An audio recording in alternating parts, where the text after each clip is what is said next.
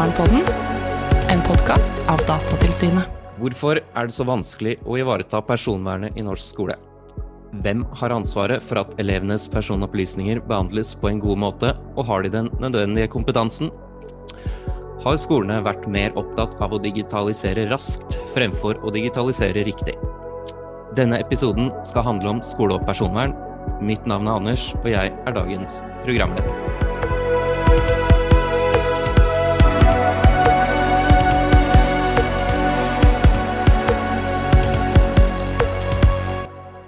Ja, det er ikke et lite komplisert felt vi skal begi oss ut på, men så greit da at jeg har fått låne litt ekspertise fra egne rekker, så velkommen seksjonssjef Camilla Nervik og juridisk seniorrådgiver her i Datatilsynet, Charlotte Poegan. Velkommen. Takk for det, Anders. Camilla og Charlotte, er norske skoler der de skal være når det gjelder personvern? Ja og nei, vil vi kanskje si. Intensjonen til skolen er god. De ønsker å eh, ta vare på personvernet. Og vi syns det er veldig positivt at eh, de digitaliseres. Eh, vi har kanskje et lite problem med at det har gått litt fort, og at det er vanskelige spørsmål både å stille og svare på, som må til for å kunne ivareta personvernet. Og, men vi ser at det er veldig mange pågående prosesser som kan gjøre det enda bedre. Men vi har jo sett mye, altså mange avvik fra denne sektoren. Mye bekymringer fra elever og foreldre, eh, en del pressesaker osv. Hvorfor sliter akkurat denne sektoren tilsynelatende så mye med personvern og informasjonssikkerheten? Du kan si at denne sektoren, den har jo fått lov til å bruke teknologien på en veldig spennende og innovativ måte i læringsøyemed.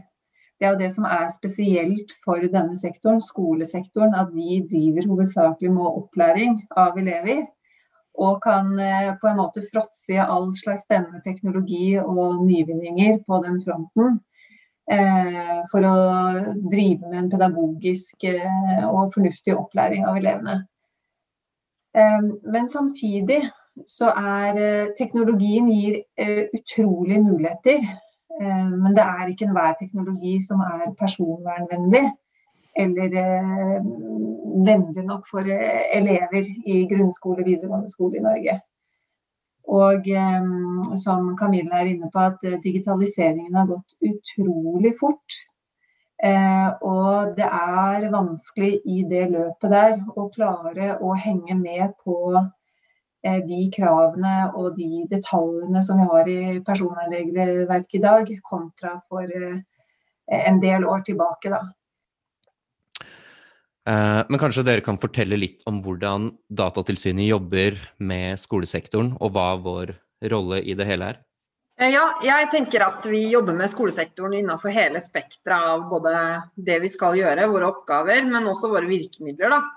Som datatilsynsmyndighet vi har alt fra enkeltsaker, fra altså klager, eh, avvikssaker. Vi har masse veiledning. Og så, eh, tilsyn kjører vi jo, og vi har høringssaker og kronikker og samarbeid. Så vi, vi, gjør liksom alt vi kan gjøre innenfor det feltet her.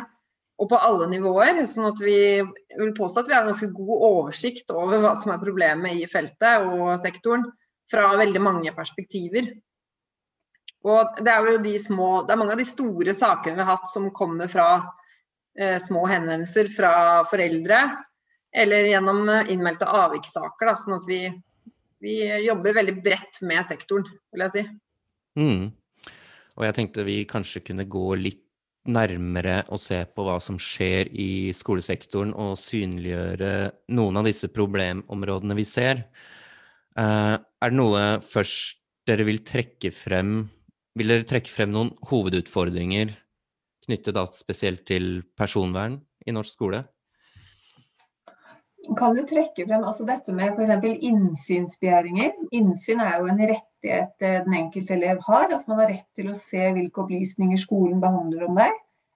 Eh, og det er ofte i skolene så har man det som heter elevmapper. Altså det er en mappe om hver enkelt elev, hvor lærerne legger inn viktige opplysninger om eleven, hvor administrasjonen i skolen kan legge inn viktige opplysninger. Så man samler på en måte eh, viktige opplysninger om eleven i en elevmappe. Og eh, i, i, del, altså i, alle deler av forvaltningen så har vi jo eh, har borgerne rett til å på en måte kreve innsyn i saker som skal være offentlige. Og man har rett til å kreve innsyn i saker hvor du selv er part i saken. Det er sånn eh, alminnelig forvaltningsrett. Og så har vi etter personvernforordningen, det også mange kaller GDPR, altså dette europeiske felles regelverket, som vi ser også eh, ikke bare er et europeisk felles regelverk, men det er også et regelverk som mer og mer blir et globalt eh, personvernregelverk som også land utenfor EU har lyst til å følge. Det er det som blir den internasjonale standarden. Der har det man kaller den registrerte, og den registrerte er jo den personen som det behandles personopplysninger om. Så Der har den registrerte rett til å kreve innsyn i hva en behandlings, såkalt behandlingsansvarlig behandler om deg. Og I skoleverket så sier man at det er på en måte kommunen som er den behandlingsansvarlige. altså Det er kommunen som har ansvaret for hvordan skolene behandler elevene sine personopplysninger. Og da kan en elev be om innsyn i hva den skolen behandler av personopplysninger om en selv. Men det som er en utfordring, og som på en måte det, Man kan ikke pinpointe en ansvarlig på det, fordi det er digitaliseringen. Det er resultatene av en, en eh, effektiv digitalisering i skolesektoren. Det er at man bruker ulike systemer knytta til administrering av elevenes personopplysninger og knyttet til eh, læringsverktøy. Og Da betyr det også at du har opplysninger om eleven i ulike systemer, lagret på ulike servere. Og det er ikke på en måte ett sted hvor du har alle opplysningene om en elev. Så når en elev da, for eksempel, eller foreldrene til eleven ønsker å be om innsyn, hva har dere egentlig lagret om mitt barn eller om den personen, så er det ikke så lett for skolen å svare det ut på 1, 2, 3 eller kommunen. Fordi man har alle disse ulike systemene, og man bruker teknologien forskjellig også i skolene og i kommuneadministrasjonen etc. etc. Så det er, en, det er jo en litt vond øvelse i den forstand at her gjelder det da å også utvikle gode rutiner og systemer for å klare å samle opplysningene om elever på ett felles sted, sånn at du klarer å gjøre en fornuftig utlevering når du får en innsynsbegjæring. Og det, det, det er noe som det jobbes veldig iherdig med, og som eh, som det fortsatt er en, en, jobb man må gjøre da, for å klare å få til effektive rutiner på det. Nettopp. nettopp. Mm. Camilla, vil du følge opp? Ja, jeg tenker at En annen side av det å gjøre, eller kunne få innsyn, er jo det som vi har sett veldig mange saker på, at man gir innsyn til de som ikke skal ha innsyn. Det vil jeg si er en sånn uh, gjennomgående ganske stort problem. Fordi man benytter noe annet enn brev og telefonsamtaler. Man bruker digitale kommunikasjonsverktøy, og så er man ikke helt gode på hvordan de skal brukes. Både kanskje hvordan det er stilt inn i utgangspunktet, men også hvordan man velger å ta i bruk det som ligger av muligheter. Da. Sånn gir, eh, vi har sett mange saker hvor man har gitt innsyn til andre enn de som egentlig skal ha det også. Deler gjerne med alle foreldre i en klasse, eller sender digitale meldinger feil. Sånn at det det er eh, flere sider akkurat den innsynsdelen, uh, Ja. Og det blir vel også relevant hvis vi, hvis vi løfter blikket litt da, og ser på digitaliseringen av, av uh, skolen generelt, hvor på en måte vi ser at undervisning digitaliseres, kommunikasjon mellom skole og hjem, og evaluering og poengsetting av elever og egentlig alt mulig eh, er det jo relevant for. Og så har det jo vært et visst virus som kom på banen for et år siden. Eh, er det også snakk om et eh, kompetanseløft? Hvilket virus er det du snakker om, egentlig? Ja.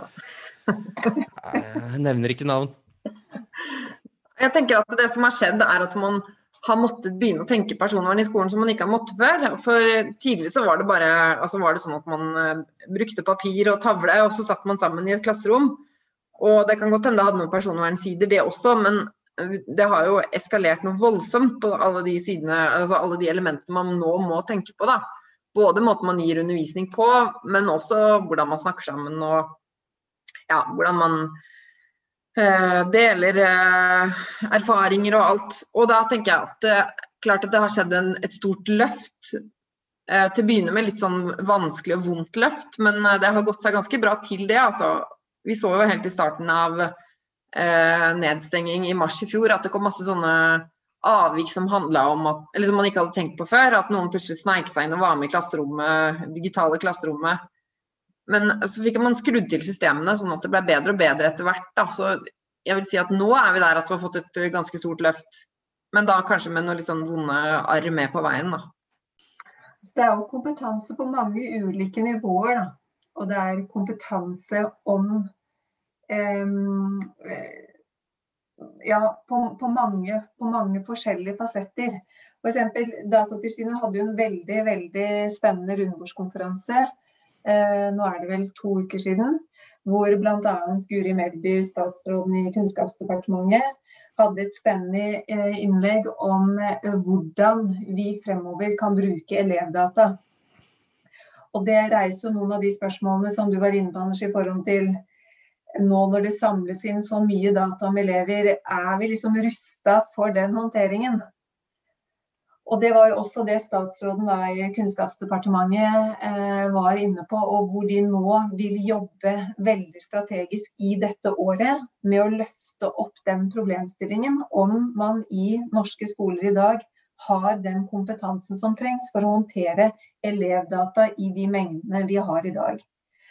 Og eh, Kunnskapsdepartementet vil jo nå opprette en egen ekspertgruppe som skal drøfte de etiske, juridiske, moralske problemstillingene knyttet til håndtering av elevdata i norske skoler. Nettopp for å se ja, det er jo ingen tvil om at denne dataen bringer viktig informasjon til oss om hvordan vi kan videreutvikle og bedre norsk skolevesen. Men samtidig så kommer det opp et veldig relevant spørsmål. Er det elevene som er nødt til å gi fra seg opplysninger og sensitive opplysninger om seg selv til bytte for å kunne bruke læringsverktøyene i skolen.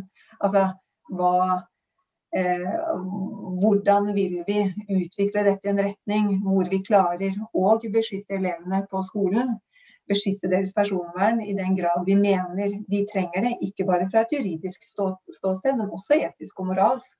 Og samtidig klare å trekke ut de interessante dataene fra norske skoler for å utvikle enda bedre læringsverktøy, enda bedre skolemiljø. Eh, og, og, og, være der vi ønsker å være da, med digitaliseringen i norsk skole. Mm. Det er jo mye uh, morsom teknologi man kan uh, ta i bruk, både for lærere og skoler. Eh, kanskje vi kan bare fort sveipe innom dette med liksom det vi kaller edtech, eller bigtech, da, altså anskaffelser fra store teknologiselskaper hvor eh, altså, Som ofte har eh, som forretningsmodell da, å høste data. Eh, Google og Apple har jo stor dekningsgrad. Er det noe, noe vi kan eh, Hvilke utfordringer ser vi rundt de tingene der? De sakene vi har behandla som gjelder de store datagigantene, så er bekymringa gått på om man godt nok kan se hva avtalen innebærer. Da, og at brukervilkårene er veldig blurry og omfattende. Så det er veldig vanskelig å sitte og plukke ut hva som faktisk gjelder for, eller som er aktuelt for deg.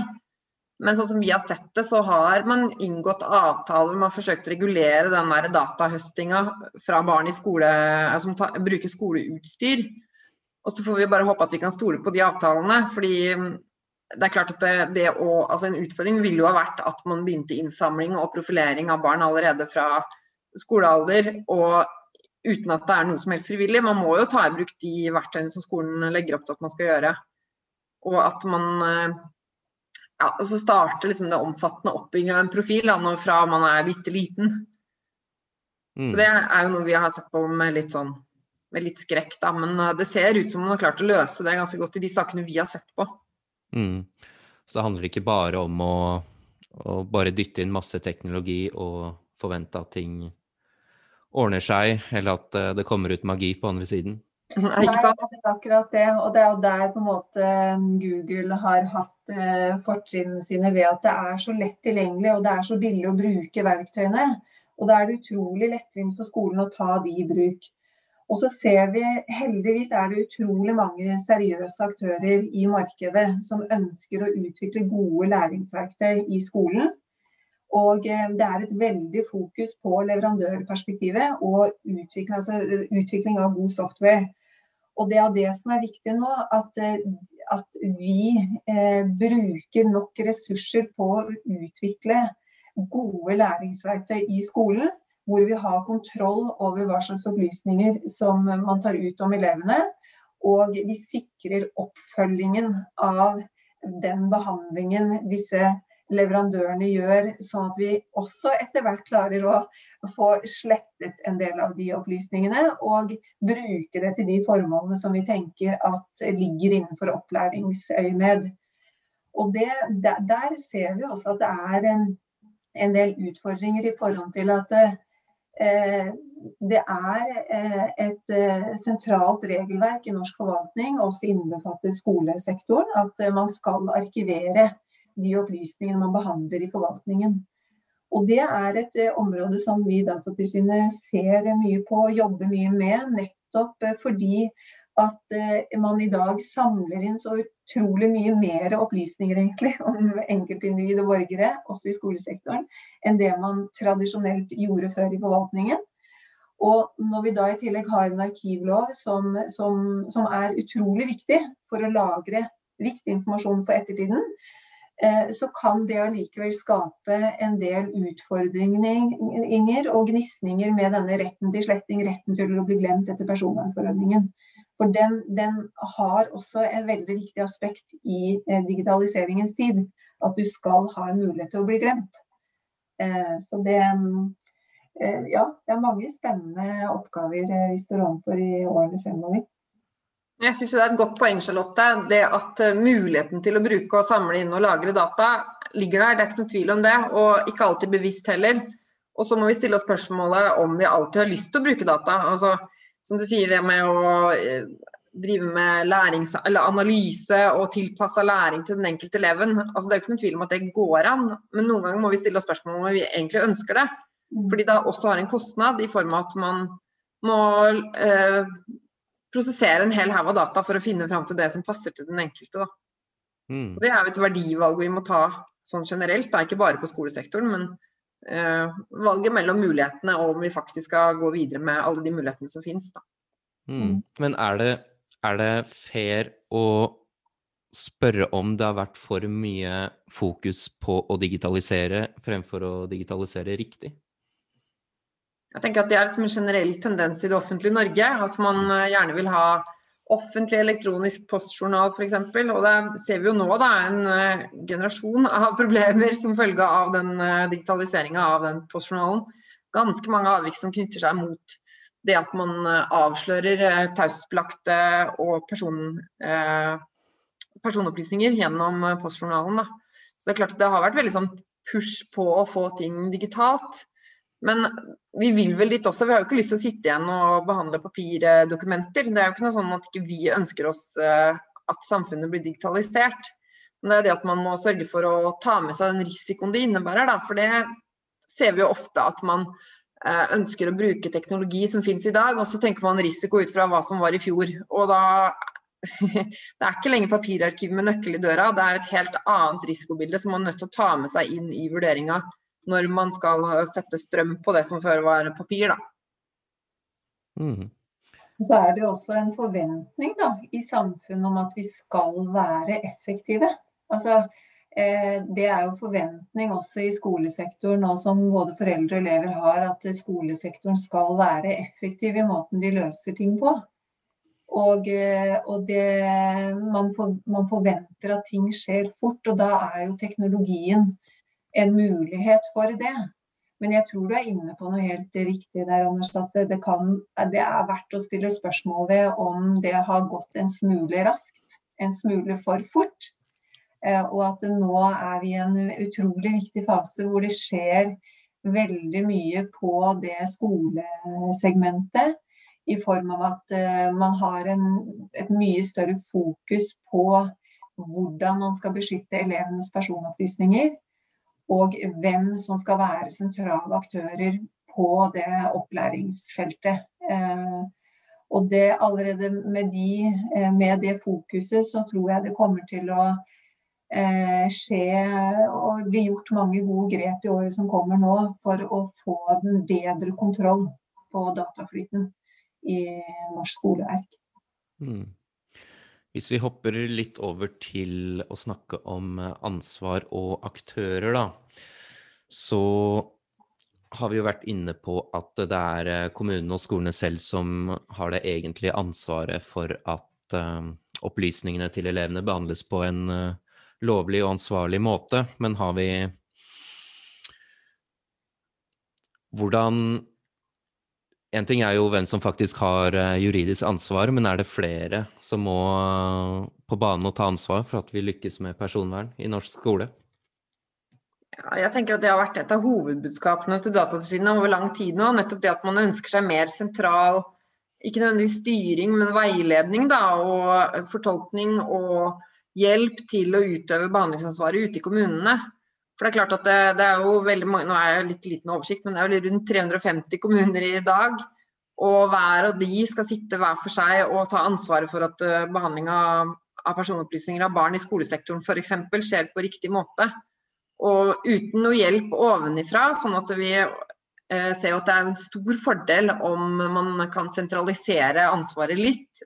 Ikke nødvendigvis juridisk, men eh, faglig. da. Og det ser vi jo at det er tendenser som går i den retning nå. Og at det kommer til å løse seg på sikt, da. Mm.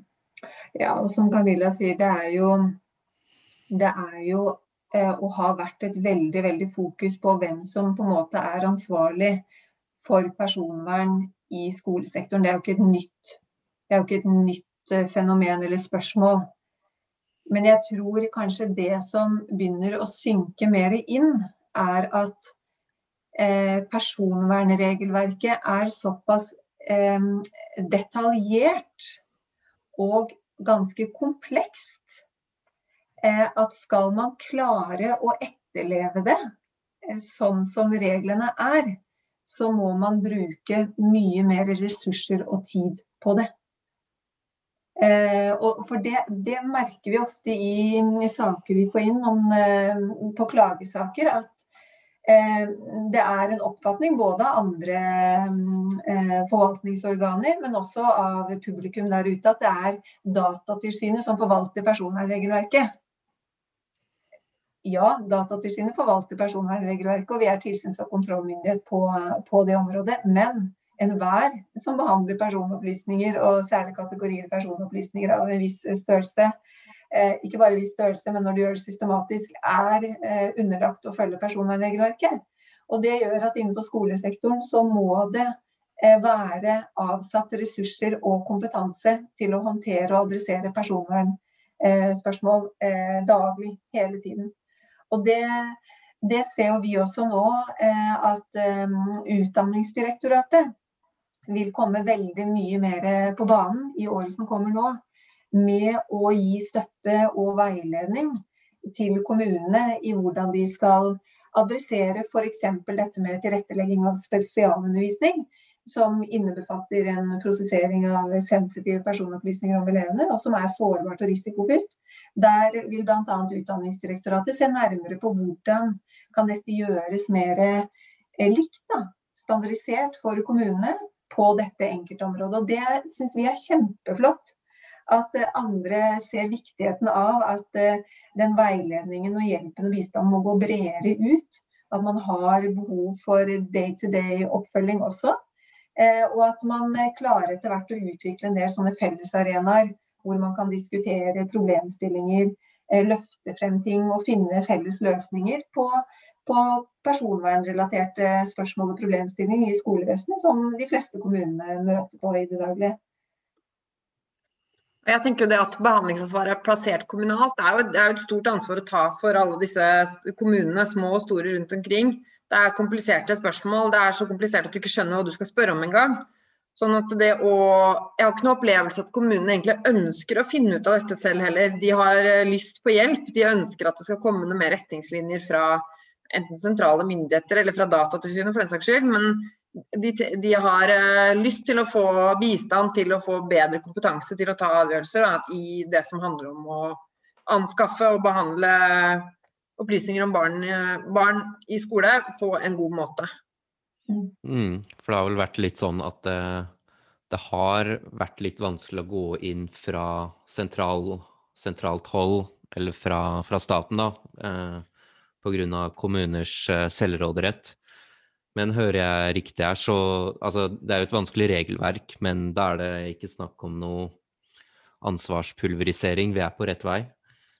Ja, absolutt på rett vei, vil jeg påstå. Jeg tenker Det nye regelverket det Eh, det har vært bevissthet om eh, personvern i skolen før det også, men det fikk jo selvfølgelig en kjempeboost med alt det som skjedde rundt innføringa av personvernforordninga. For da snakka plutselig alle om personvern.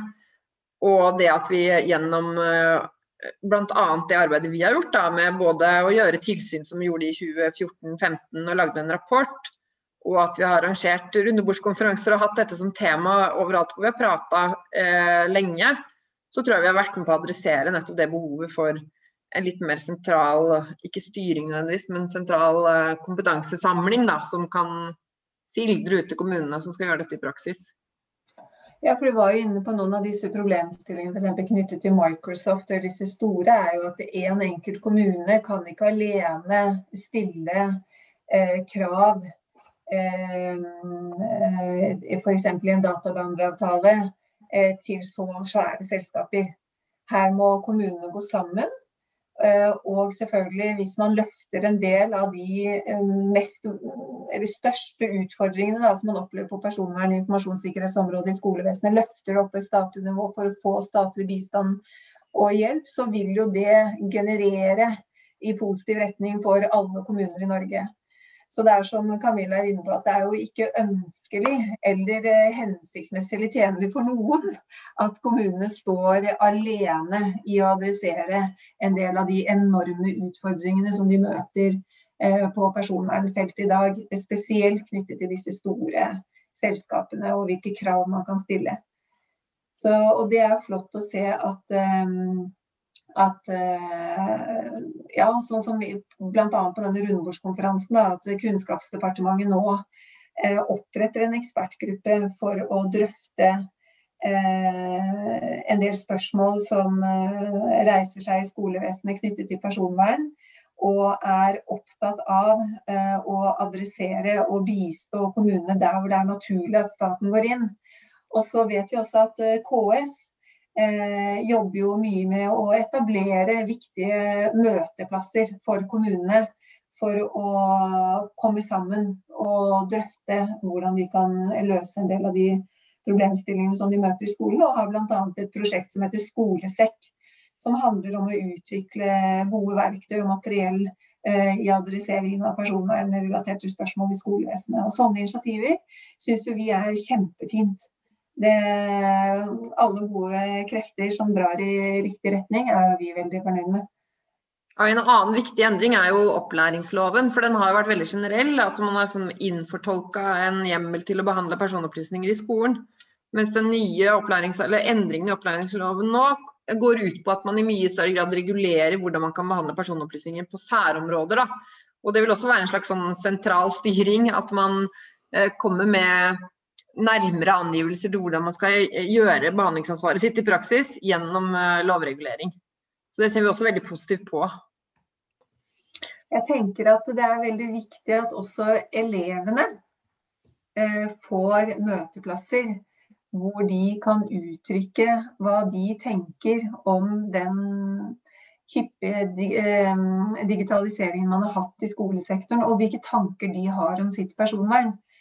Eh, for det er så viktig at eh, Vi spilte jo bl.a. inn, sånn som Camilla er inne på, det er en ny opplæringslov som kommer nå.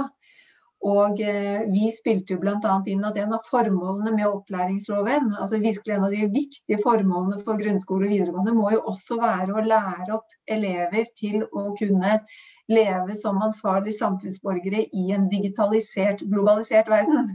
Hvordan skal du ivareta personvernet ditt i i denne tidsalderen vi lever i. Eh, så eh, det er en ting som jeg tenker er viktig, på samme måte som man har tatt Stortingets barnehøring. Altså, man har hatt høringer av barn på Stortinget en årrekke innenfor barnekonvensjonsbestemmelser. Og noe av det samme kunne man jo også sett for seg Eh, eh, personvern er jo nedfelt i Barnekonvensjonen og Den europeiske menneskerettighetskonvensjonen. Og man kan også se for seg at det er viktig å få ungdom og barn på banen for å si noe om hva de tenker om eh, hvilke ansvar vi og andre offentlige instanser har for å ivareta deres personvern. Og En annen ting som jeg synes vi kan trekke frem, som har vært veldig positivt eh, i kjølvannet av bl.a. rundebordskonferanser og egentlig sånn litt sånn offentlig behandling av avvikssaker vi har hatt, er at vi ser at kommunene samler seg og deler erfaringer og ønsker å samarbeide med hverandre. Som da er en eh, styrking av nettopp det å få kompetanse spredt utover. Mm. Det er også en veldig positiv effekt av eh, de sakene vi har sett i det siste. Mm. Nå ligger dere litt i forkant av, av spørsmålene mine, men jeg hadde tenkt å spørre dere om liksom hva elevene og eventuelt da eh, foreldre og foresatte kan gjøre selv oppi, oppi det hele. Hva er liksom deres rolle er? Har de tid? Er de bevisst på personvern? Har de kompetanse og nysgjerrighet nok til å stille spørsmål og sette krav til, til behandling av tross alt deres personopplysninger? Ja, Det vi ser, synes, det er veldig positivt, det er at eh, foreldre er veldig engasjert i hva kommunen gjør for å ivareta personvernet til deres barn. Eh, og spesielt i skolesektoren. Og det er kjempebra.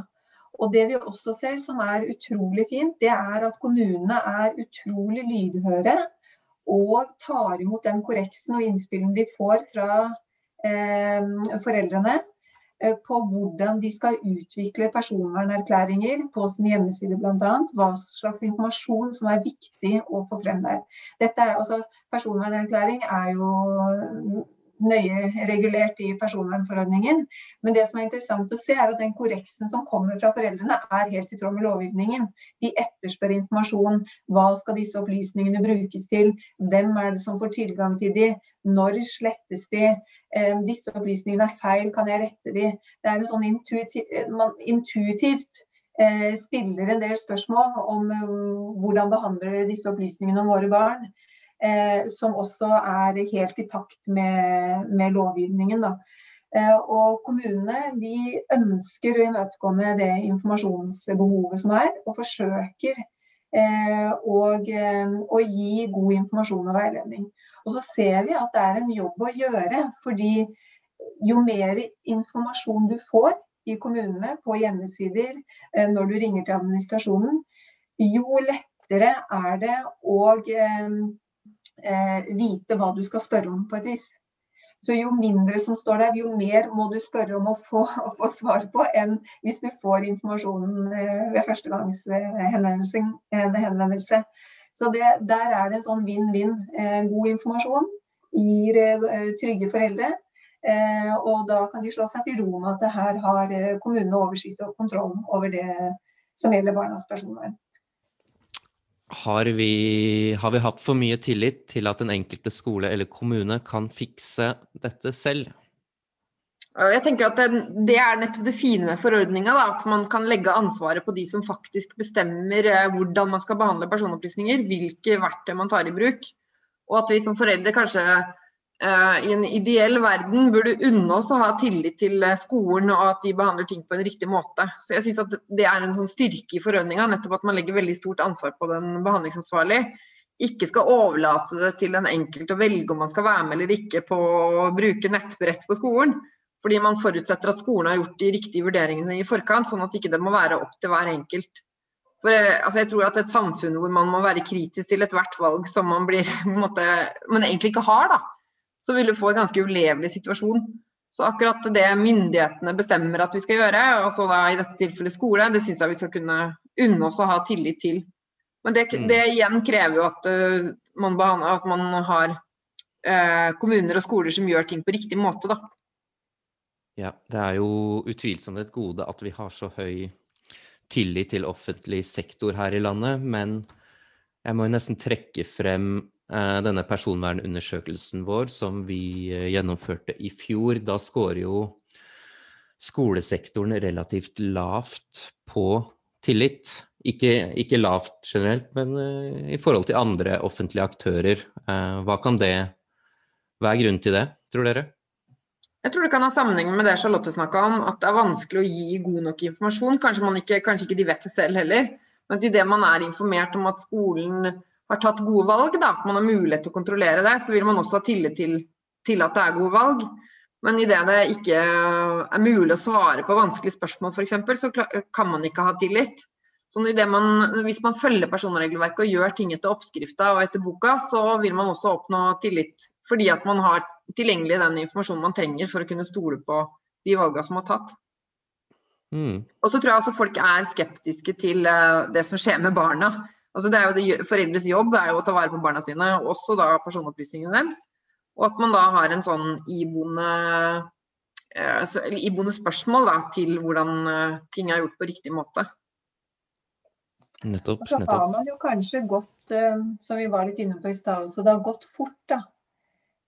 og de som kanskje har betalt en pris for den raske digitaliseringen, i skolesektoren, er jo uh, også elevene. Det, det, det, kan man på en måte ikke eh, feie under et teppe. At det, ja, det har hatt en pris for elevenes personvern at man har innført gode teknologiske læringsverktøy som har vært lett tilgjengelige og billige. Og bra, det er viktig. Ja, veldig, ja. veldig gode. Og, og, man har jo vært liksom både elever og, og, foreldre sånn sett, og lærere har jo vært veldig fornøyde med eh, de løsningene. Eh, inntil da eh, man så og ser at det har noen eh, alvorlige personvernkonsekvenser som mange nå jobber aktivt med å adressere og få kontroll på. Og det, Noen ganger så er det 'learning by doing'. Andre ganger klarer man å ligge litt frempå og forut og navigere på en måte riktig før eh, man beveger seg til disse gråsonene. Men men her opplever vi i hvert fall at det, her er det veldig mange gode krefter som må jobbe sammen for å få kontroll på leverandørkjedene. Kontroll på hvem som skal levere gode læringsverktøy, pedagogiske læringsverktøy inn i skolen. Og, så, så dette lover bra. Det syns jeg høres bra ut. Kan vi tillate oss en viss uh, sammenligning til, uh, med helsesektoren, uh, Camilla? Er det interessant å se? For de har vel, har vel løst, eller det er vel oppfattet at de har løst digitaliseringen ganske bra og hatt personvern mer i ryggmargen hele tiden? Ja, de har nok hatt taushetsplikt mer i ryggmargen og mer i praksis, da. fordi at har, eh, altså det ligger i det å kunne gi god helsehjelp at han også skal dele opplysninger med, med, hverandre, med andre som gir helsehjelp.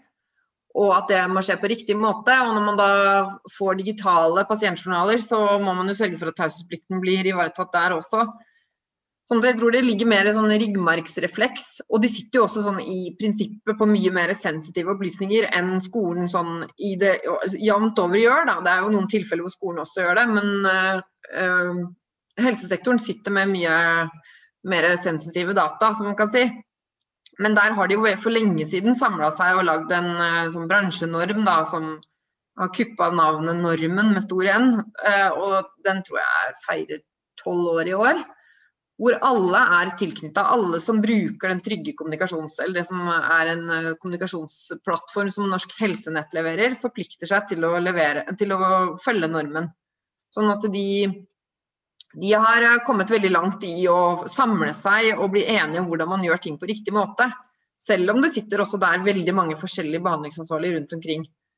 Så det, Vi liker å sammenligne, eller vi ser til normen f.eks., eller til helsesektoren for å anbefale skolen å gjøre noe i samme gate. da. Mm. Hvordan skal vi jobbe systematisk med personvern i skolesektoren fremover? Vi som i Datatilsynet må jo fortsette å prøve å påvirke der vi kan påvirke. Da, og være med når det kommer lovforslag og forskriftsforslag. Diskutere og uh, gi høringsuttalelser. Men også det å bidra i uh, viktige prosesser som uh, pågår på andre nivåer, da, som Charlotte har vært litt inne på. Kanskje kan gjenta litt også, men at vi bidrar der vi kan. når de sentrale aktørene samler seg men også fortsette vår jobb som tilsynsmyndighet. Gå på tilsyn, avdekke mangler som eh, vi tenker at andre kan lære av. fordi eh, Målet vårt er jo ikke å ta noen, målet vårt er jo rett og slett å sørge for at det blir et godt personvern. og Et av verktøyene der er å gå på tilsyn for å avdekke avvik som man kan kommunisere ut til andre, så andre kan lære av det. Mm. Så har vi i Datatilsynet også en utrolig flott veiledningstjeneste, hvor vi er behjelpelige på telefonen eh, hver dag. Eh, og hvor det kommer inn mange henvendelser, også fra skolesektoren. Eh, så det er jo som Camilla er inne på dette med å liksom få, få spredd informasjon. Få kommet i kontakt med de som har behov for veiledning. Uh, og vi får jo inn en del både avvikssaker fra kommunene, altså sånn, og det er positivt. Det er veldig, veldig positivt at man bruker den muligheten. fordi det gir oss en mulighet til å kunne gå inn og også bistå og hjelpe. For å se hvordan man kan videreutvikle avvikssystemene, internkontrollsystemene, for bedre å treffe personvernrisikoene i kommunen.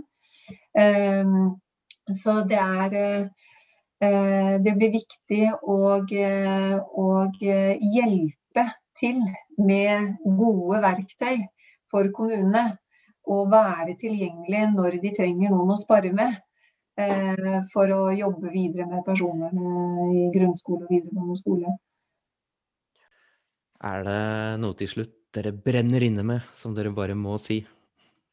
Ja, jeg tenker at Det er viktig å få fram at uh, vi ser at det har skjedd store endringer den siste tida. Og at det vi mener at vi også har vært med på å dytte i riktig retning av, det skjer nå. Sånn det, og det kommer til å gå fort. At man får på plass mye mer hjelp da, til kommunene for å kunne ivareta personvernet for den enkelte elev i skolen. Hmm. Da tenker jeg vi lar det bli eh, siste ord. Så tusen takk for at dere stilte. Bare hyggelig. Sett på den der ringetonen, da.